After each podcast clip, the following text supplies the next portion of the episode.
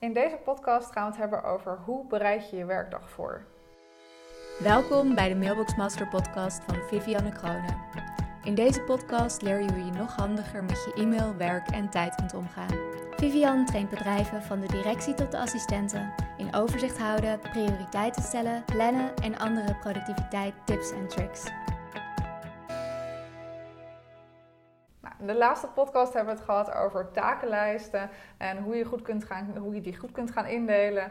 Jasper is er ook weer bij dit keer. Hoi. En uh, we gaan eens kijken hoe kun je die takenlijst nou goed gebruiken om je werkdag voor te bereiden. Ja. Ook in combinatie met je agenda. Ja, want dat is eigenlijk wat we de laatste twee weken natuurlijk hebben gedaan. Ja. Dus, eh oké. Ja, klopt inderdaad. Dus nou, wat je wilt doen op het moment dat je je werkdag gaat voorbereiden, de eerste vraag is, wanneer doe je dat? Mhm. Ja, want sommige mensen denken van, nou, dat is handig, want dan kom ik soms op kantoor en dan ga ik even kijken van, hey, wat is er allemaal binnengekomen in mijn mailbox en wat staat er op mijn takenlijst, wat staat er in mijn agenda. Mhm. En de vraag is dan, eh, laat je je dan niet al meteen leiden door de waan van de dag? Want er Ja. komen waarschijnlijk een heleboel dingetjes bij je binnen. eh, in die mailbox, je gaat er even een paar, op een paar dingen reageren. En dan En heb dan je tegen twee uur 's middags heb je weer eens tijd om eens eh, Ja. te kijken wat moest ik ook weer Oh eigenlijk wat doen moest ik ook vandaag. weer doen? Ja, precies. Ja, dus dat is, dat is eigenlijk niet per se handig. Je wil eigenlijk meteen proactief je werkdag kunnen beginnen. En dat betekent dat je werkdag voorbereiden veel fijner is om te doen aan het eind van de werkdag. De werkdag ervoor. Ja. Dus je bereidt aan het eind van jouw werkdag, bereid je, stel je voor het is maandag aan het eind van de werkdag, dan bereid je je dag van dinsdag alvast voor. Mhm. En dat doe je helemaal aan het eind van je werkdag. Dan heb je waarschijnlijk je mailbox ook weer even helemaal op orde. Je hebt precies overzicht van wat er, eh, wat er allemaal op je takenlijst staat. Mhm. Uh, en dan kun je even in eerste instantie in je agenda gaan kijken. Welke, op welke momenten heb ik morgen afspraken en op welke momenten heb ik tijd om te werken. Ja. En, maar we hebben het natuurlijk gehad over de agenda. Dus hoe, Ja. hoe plan je het dan? Want je gaat dan natuurlijk niet die taken vervolgens in je agenda In je zitten agenda zetten. zetten. Want dat was juist het idee dat je die Nee. twee gescheiden houdt. Dus Nee. wat doe je dan? Dat klopt inderdaad. Dus eh, je kijkt naar je, naar je agenda van hoeveel tijd heb ik morgen daadwerkelijk tijd om, om te werken Mhm. aan, eh, aan belangrijke zaken naast dat ik overleg heb. En misschien heb je veel overleggen, misschien minder. En dat verschilt misschien ook wel een beetje per dag. Mhm. En vervolgens ga je naar je takenlijst en kijk je daar, hey, wat eh, staat er allemaal op die takenlijst en wat zijn, zijn nu dingen die ik morgen echt wil of moet doen. Mhm. En dat, daar kan ook wel een verschil tussen zitten. Dus sommige dingen die moet je misschien echt doen morgen. En er zijn misschien ook wel een aantal andere dingen waarvan je weet van oh, als ik dat gedaan heb, dat voegt heel veel waarde toe. Dat is belangrijk dat ik Ja. dat heb gedaan. Dus eh, wat je vervolgens kunt doen, is een top 3 maken van taken waar jij de volgende dag mee gaat beginnen. Mhm. Dat wil niet zeggen dat dat de enige taken zijn die je die dag gaat doen. Mhm. Maar kies er in ieder geval drie van en zet die in de categorie vandaag. Ja. Dus eh, we hebben het in de vorige podcast gehad, eh, in de, de podcast over takenlijsten, dat je een categorie vandaag kunt gebruiken. Ja. En als je die categorie weer even aanvult met de dingetjes die je de volgende dag wil doen, Ja. dan weet je meteen als je de volgende dag op kantoor komt, dat je aan de slag kunt gaan met die drie dingen. En dan heb je natuurlijk het liefste, waar wij het al eerder over hadden, dat je misschien wel je e-mail pas later gaat bekijken. Precies, En dus begint met, die, met die taken die zo belangrijk zijn, die je op vandaag hebt staan. Ja, je begint liever met, eh, met de dingen, met, met taken.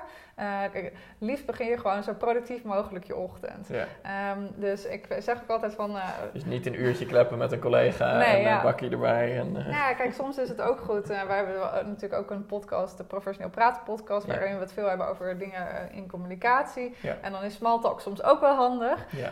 Maar het is ook fijn als je, ehm, eh, als je wel gewoon lekker productief ochtends je, je werkdag kunt beginnen. Mhm. En ehm, ik zeg altijd, als je een top 3 gaat maken, kijk aan de ene kant dus naar de waarde die het voor je heeft om het af te hebben de volgende dag. Mhm. Eh, kijk naar deadlines. Welke deadlines komen er aan en welke dingen moeten echt klaar? Eh, Mhm. en kies er op zijn minst ook één ding uit eh, wat een Eat That Frog taar- ka- taak is. Mhm. Dus ehm Eat That Frog, misschien heb je er wel eens van gehoord. Eh, van Jasper weet ik sowieso dat je ja, kent. ja, zeker. Ja, van Brain. eh, ja. Brian Tracy. Eh, en Eat That Frog betekent eigenlijk, het is gewoon, eh, nou, stel je voor je moet iedere dag een kikker eten. Eh, nou, daar heb je natuurlijk helemaal niet per se zin in. Alhoewel, ik weet dat ze in Thailand op de markt, zeg maar, eh, ook gewoon allemaal kikkers, gebakken delicatessen, kikkerslagen. ja. Precies. Ja. Nou, Maar- Frankrijk ook hoor. Oh, Dat, eh, ja, oh, ja, oké. zeker. Nou, dichter bij huis dan Dat ik dacht. eh, ja. nou goed, ik, eh, ik zou er niet zo erg op zitten te wachten. Alhoewel ik het nog nooit gegeten heb, maar goed. Ehm, Ze zeggen dat het naar kip smaakt. Ik heb het één keer gegeten. Ja, en. Oh, oké. Ja. maar jij bent sowieso vegetarisch, toch? Ja, ja, ja. Nee, Ja. dit is al lang geleden toen dat nog niet het geval was. Nee, oké. Ja, dus op het moment dat je, dat je, je kiest eigenlijk, stel je voor dat je iedere dag een kikker moet eten, dan is de vraag wanneer op de dag kun je dat het beste doen. Nou, stel je voor dat je dat helemaal, zeg maar, je weet dat je dat moet doen en nou, richt in de loop van de dag en dat zit nog steeds op je schouders, dat leunt, dat is gewoon zwaar, je moet het nog doen. En nou goed, je, je ziet daar heel de dag al tegenop. Aan het eind van de dag denk je, ja, nou moet ik toch die ene kikker nog maar gaan nemen.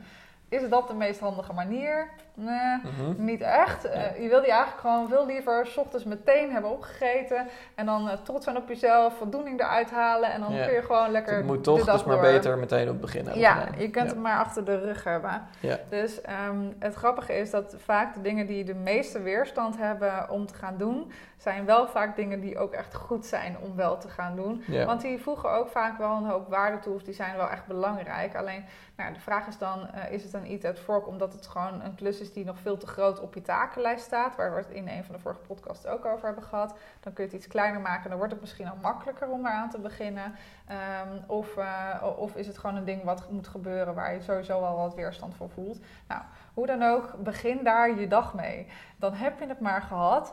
Eh, en vervolgens kun je de rest van de dag kun je bezig zijn met sowieso leukere dingen dan dat. Ja. En dat is best een fijn vooruitzicht. Ja, ja, en het, het voelt heel heerlijk als je dan om 11 uur of whatever het is, of, eh, dat je dan zoiets hebt van, ha, het is al, eh, Ja. ik heb het meest productieve gedeelte alvast gehad. Je hebt het meest productieve gedeelte inderdaad gehad. Het is ook heel fijn als je dan bijvoorbeeld om 11 uur is je mailbox opent, dat je ook gewoon al weet van hey, het is nu prima om eventjes een, een reactief uurtje te hebben, want je bent al heel proactief en productief geweest. Precies, ja. Dus ehm, eh, ja, begin, dus daar kun je meteen je dag mee beginnen als je je werkdag hebt voorbereid. Ja. Dus dat is het verschil. Bereid hem aan het eind van de dag, bereid je werkdag voor. In plaats van dat je dat aan het begin van de dag doet. Want dan ga je eigenlijk aan het begin van de dag meteen reageren. In plaats van dat je pro- proactief aan de slag wil. En eh, ik had nog een vraag, is, we hadden het nu natuurlijk gehad over, je doet dat de dag van tevoren. Dus Mhm. bijvoorbeeld, je had als, gezegd van op maandag doe je Ja. dinsdag voorbereiden. Eh, misschien heel raar, maar hoe doe je het dan met het weekend? Dus op vrijdag ga je dan je maandag voorbereiden, Ja. of hoe werkt dat? Ja, klopt inderdaad. Dus op Mhm. vrijdag bereid je je maandag voor. Maar Mhm. eigenlijk bereid je op vrijdag, en dat is leuk dat je deze vraag stelt. Mhm. Eh, op vrijdag bereid je niet alleen je maandag voor, maar kijk je eventjes vooruit naar de hele eh, volgende week. Oké, ja. Eh, en misschien zelfs wel als jij een hele volle agenda hebt met heel veel afspraken die eraan komen.